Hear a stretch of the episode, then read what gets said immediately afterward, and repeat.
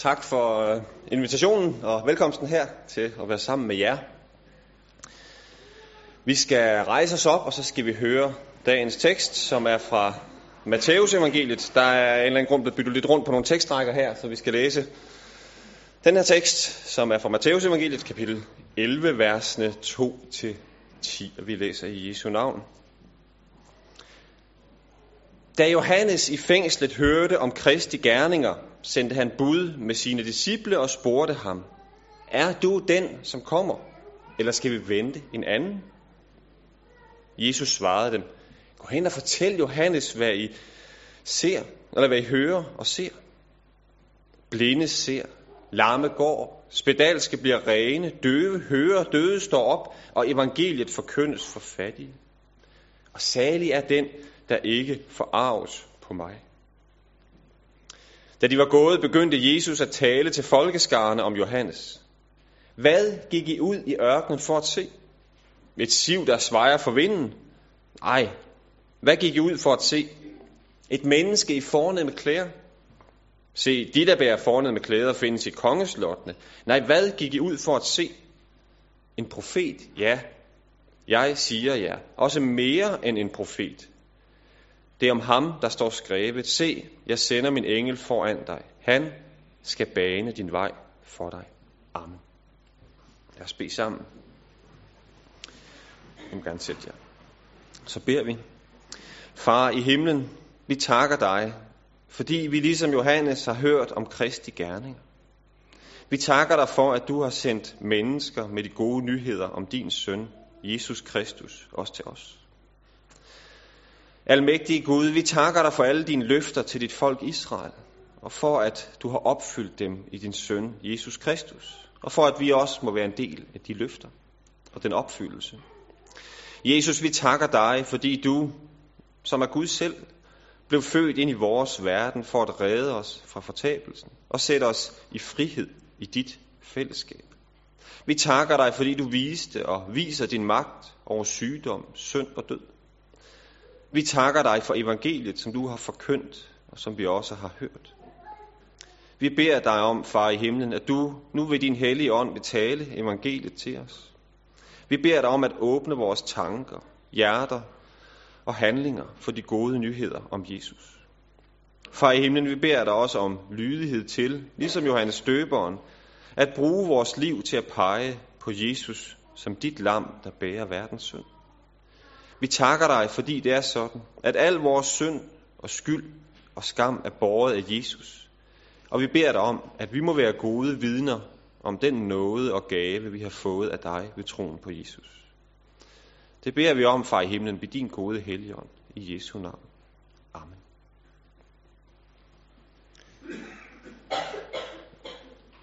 Johannes Døber sidder i fængsel, og og han beder så sine disciple om at gå hen til Jesus og stille ham spørgsmålet, er du den, der kommer, eller skal vi vente en anden? Og Jesus svar er, at han er den, der skulle komme. De skal ikke vente på nogen anden. Nu er han kommet, ham de har ventet på. Ham, som Gud havde lovet. Ham, der skulle frelse, redde og befri dem. Hvad må Johannes disciple har tænkt, da de er gået hen til Jesus? Jo, de har været ramt af tvivl. Det er den tvivl, der ligger i Johannes spørgsmål, som de skal gå til Jesus med. Jesus, er du virkelig ham, som Gud har lovet? Det er ikke altid nemt at se. Og tvivlen skyldes nok ikke mindst, at deres lærer, Johannes, Johannes Døber, var blevet smidt i fængsel. Ene og alene, fordi han havde gjort det, han var kaldet til af Gud. Han havde prædiket omvendelse, sådan som han var udvalgt til at gøre. Og hvis man prædiker omvendelse, så kan man ikke undgå at sige, at der er noget, folk skal vende sig fra. Der er noget forkert, som de skal vende sig fra. Ellers så er der ikke tale om omvendelse. Og det provokerer. Guds ord om omvendelse, det er aldrig behageligt at høre. Sådan er det også i dag. Man kan ikke tale om omvendelse, uden dermed også at påpege den synd og de fejl og problemer, som vi skal vende os fra. Og derfor møder Guds ord altid modstand. Det kan godt overvinde os, men der er en modstand mod det. Og Johannes havde blandt andet sagt til kongen Herodes, at han ikke måtte være gift med sin brors kone, fordi så levede han i utroskab. Kong Herodes havde derfor smidt Johannes i fængsel, og det er fra det fængsel, dagens tekst tager afsæt. Og Johannes disciple, de er altså ramt af tvivl. Måske var Johannes også selv ramt af tvivl. Eller også er han bare ude på at hjælpe sine disciple til at forstå, at det var rigtigt af ham at pege på Jesus. Også selvom det hele ser fortvivlende sort ud for dem. Det er stadigvæk rigtigt at pege på Jesus. Men hvad skal der blive af dem, hvis Johannes dør her i fængslet, hvilket han jo også gjorde? Hvad skal de dog gøre uden deres lærer, uden deres forbillede? De er så fortvivlede.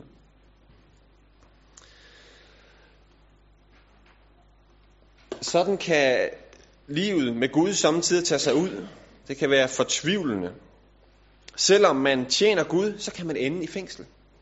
Vi har kristne brødre og søstre rundt omkring i verden, som oplever det helt konkret. De ender i fængsel. Ene og alene, fordi de tror på Jesus.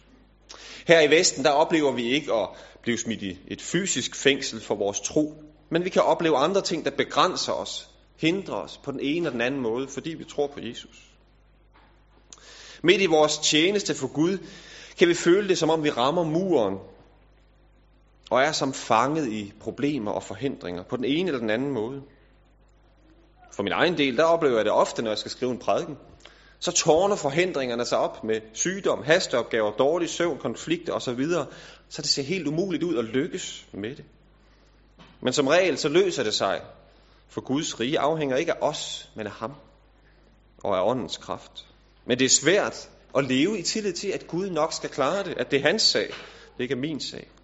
At det er ham, det handler om, og ikke mig, det handler om, som vi også så fint og godt sang til at begynde med.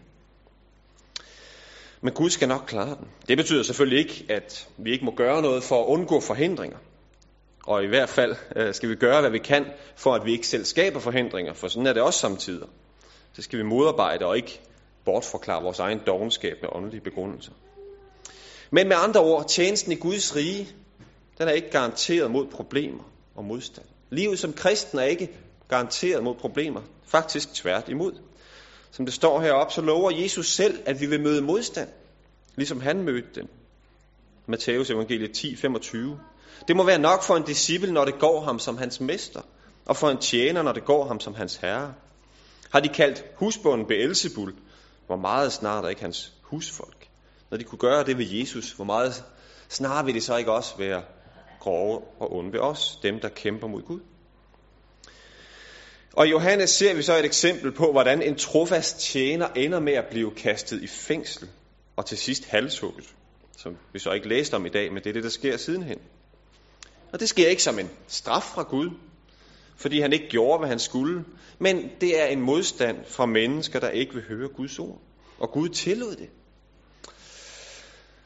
Og derfor er det også vigtigt at bemærke i, at lidelse er ikke nødvendigvis et tegn på, at man er det forkerte sted. Det kan være svært at huske i vores tid, fordi i vores tid, der er det sådan, at lidelse og problemer, de skal udryddes for enhver pris.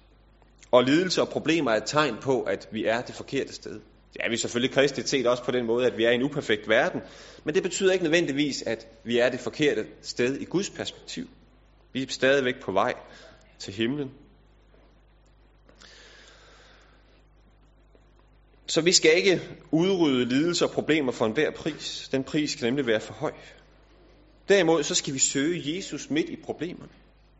Og det er det, Johannes i den grad lærer os. Han lærer os at se på Jesus.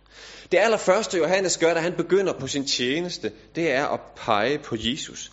Han taler om, at himmeriget er kommet nær. Himmeriget kom til den her verden gennem Jesus. Han taler om en anden, der kom efter ham, som ikke bare skulle dø med vand, men også døbe med helligånd og ild.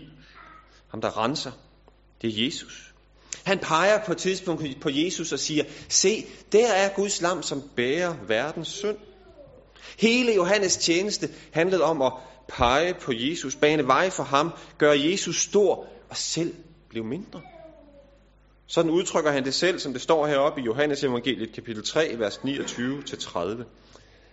Den, der har bruden, er brudgom, men brudgommens ven, som står og lytter efter ham, fyldes med glæde, når han hører brudgommen komme. Det er min glæde, og den er nu fuldkommen. Han skal blive større, jeg skal blive mindre. Johannes var glad for, at Jesus kom, og han kunne pege væk fra sig selv og hen på ham. Det gik i den grad op for ham, og han vidste, at det var ikke ham, det handlede om.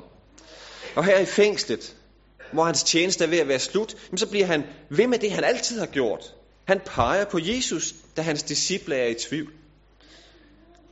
Han har ikke brug for, at disciplene følger ham, og de har heller ikke brug for ham. Derimod, så har de brug for Jesus. Og derfor viser han dem hen til ham. Hans disciple er fortvivlet, og så viser Johannes dem, at de behøver ikke tvivle, de behøver ikke være bange. Og det gør han ved at vise dem hen til Jesus. Og han har jo uden tvivl også selv haft glæde af at høre disciplene fortælle ham om Jesus, da de kom tilbage til ham.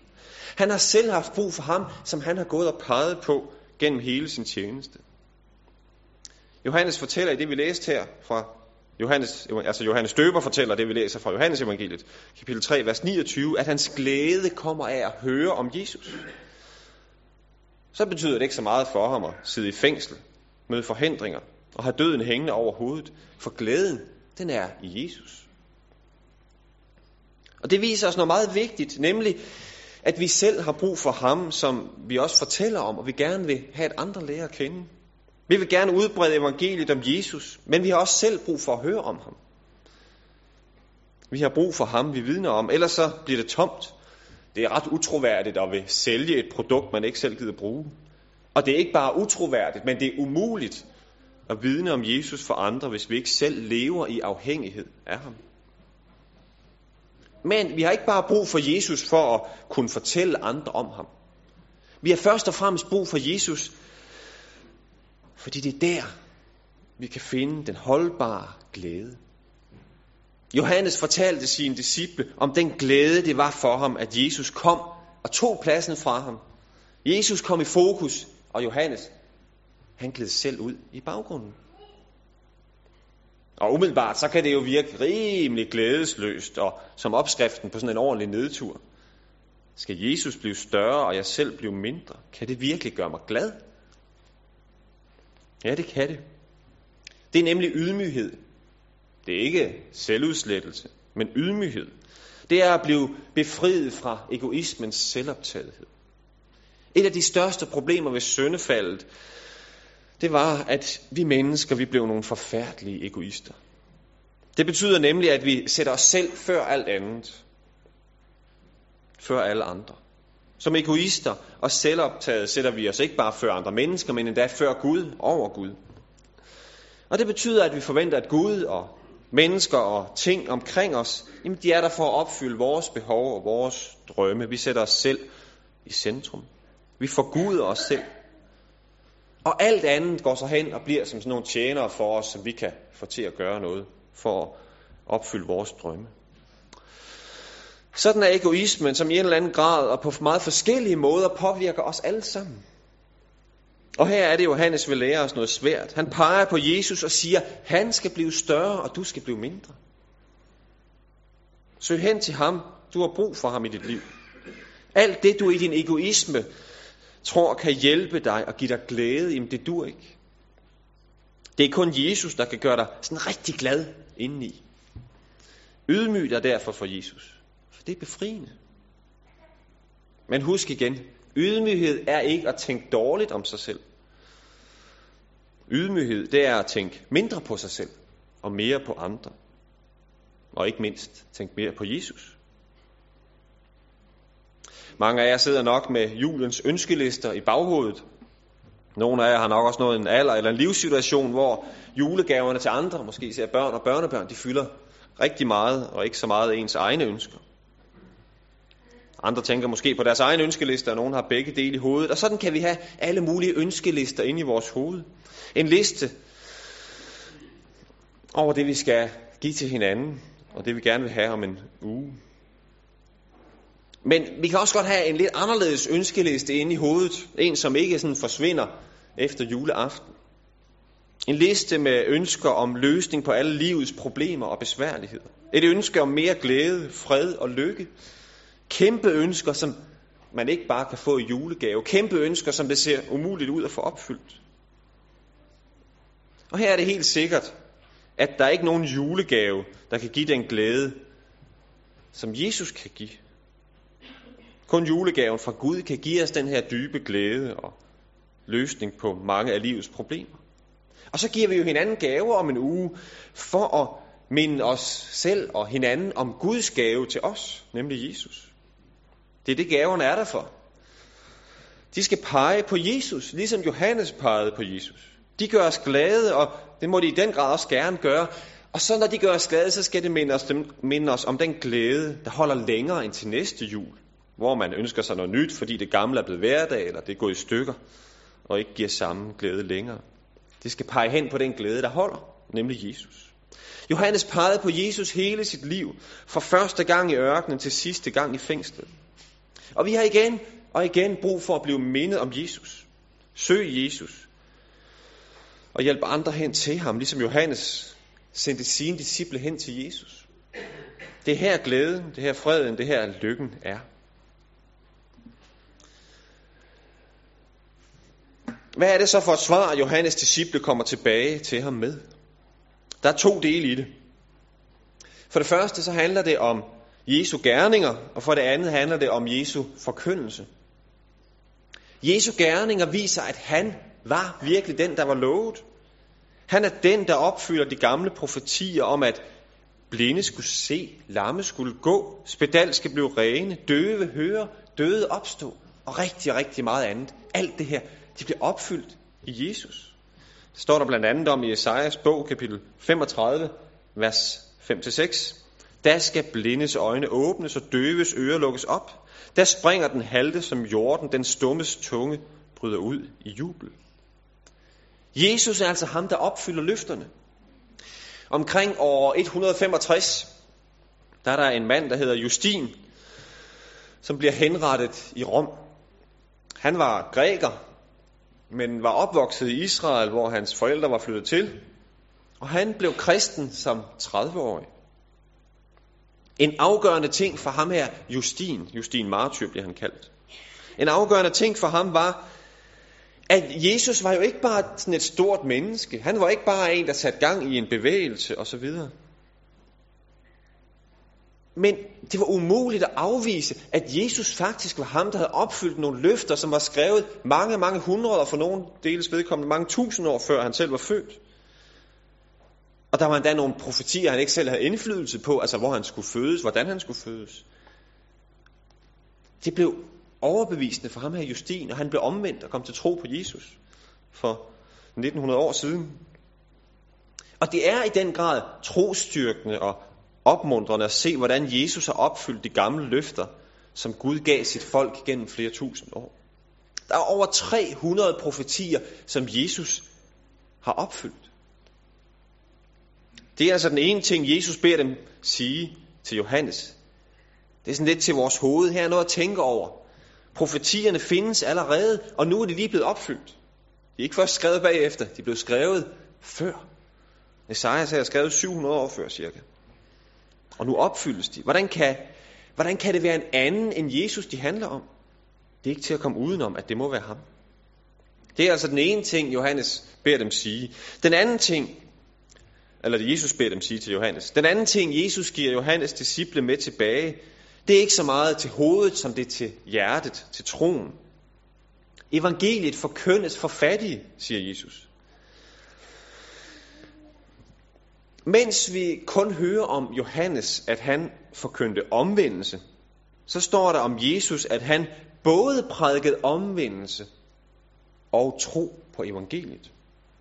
Sådan beskriver Markus det i sit evangelium, kapitel 1, vers 15.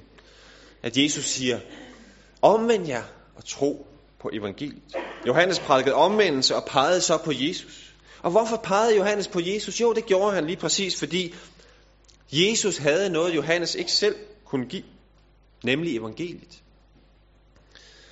Det samme gælder for os. Vi kan ikke selv give evangeliet. Vi kan kun give eller pege på Jesus, ham der kan give det gode budskab. Johannes talte om omvendelse. Det taler vi også om. Det vil sige, at man angrer, man fortryder sin synd, og man slipper den for så at leve ordentligt bagefter. Men Jesus har langt, langt mere at føje til. Han har troen. Omvendelsen i sig selv uden troen, uden evangeliet, det bliver nemlig bare til sådan en gang moralisme. Det handler om at tage sig sammen, leve et nyt liv, få lidt selvindsigt, lidt hjælp til selvhjælp, nogle værktøjer, en pep-talk eller en skideballe, og så ændre kurs. Jesus har langt, langt mere at give end moralisme. Ikke at vi ikke skal omvende os. Men Jesus har evangeliet. Der er en ren gave og godhed fra Gud. For vi kan ikke moralisere os selv til at blive gode mennesker. Jesus har evangeliet, det gode budskab fra Gud. Og det viser netop også, at Guds rige virkelig er kommet til os med Jesus. Evangeliet er nemlig anderledes end alt andet, vi kan møde i religion og filosofi og almindelig menneskelig visdom og tankegang. Der er mange bud på, hvad sandheden er. Men der er ikke nogen, der kan hamle op med evangeliet. Evangeliet er det gode budskab om Guds gratis godhed i gave. Evangelium betyder godt budskab, og evangeliet er lige præcis et godt budskab, fordi det er for os, der ikke kan selv. Det er modsætningen til moralisme, som man nemt kan få ud af en ren omvendelsesprædiken. Og ren, morali, øh, hvad hedder det, ren logiskhed. Vi kan godt forsøge at omvende os. Vi kan godt forsøge at ændre kurs, forbedre og justere lidt her og der. Men det lykkes aldrig at gøre det godt nok. Der er altid noget, der kan blive bedre. Og når vores liv mislykkes, og tingene går imod os, så er det igen, vi skal lære af Johannes. Han peger på Jesus. Han sender sine disciple hen til Jesus, og hos Jesus får man andet og mere end en moralprædik. Her får vi ikke bare gode råd til at leve, leve livet lidt bedre, men her får vi et godt budskab, godt nyt. Vi får evangeliet. Og evangeliet forkyndes for fattige, siger Jesus. Hvad betyder det? Var der ikke nogen rige, der hørte det? Jo, det var der nok. Men det var ikke målgruppen. Jesus kom kun for fattige. Jesus kom kun for dem, der ikke kan selv. Men hvad er det for en fattigdom og rigdom, det handler om det her? Jo, det handler om åndelig fattigdom. Evangeliet er kun for dem, der ikke er rige nok i sig selv. Evangeliet, det gode budskab om tilgivelse, frelse, redning, søndernes forladelse, er kun for dem, der ser fattigdommen i deres egen egoisme, og ser, hvordan tvivlen fylder. Ser, hvordan vi har brug for søndernes forladelse. Evangeliet om Jesus er godt nyt til alle os syndige, tvivlende egoister. Og derfor kan vi hvile ud hos Jesus. Også selvom ingenting ser ud til at lykkes for os. Ligesom det så ud, som om alt var mislykkes for Johannes. Her bliver vi sat fri fra vores synd og skam, og vi slipper for at bruge vores åndelige aktiviteter og succeser som et mål for vores tro. I stedet for det, så bliver vi trukket ind i ydmyghedens fællesskab med Jesus, hvor han selv og hans gerning for os bliver større og større og større. Og vi selv, vi får lov at blive mindre og mindre. Blive små ikke at vi bliver ubetydelige, ikke at vi bliver nedgjorte, men små som børn, der ikke kan andet end at tage imod og hvile ud hos Jesus. Ham, der blev barn for os, for at vi skulle blive Guds børn. Lad os bede sammen.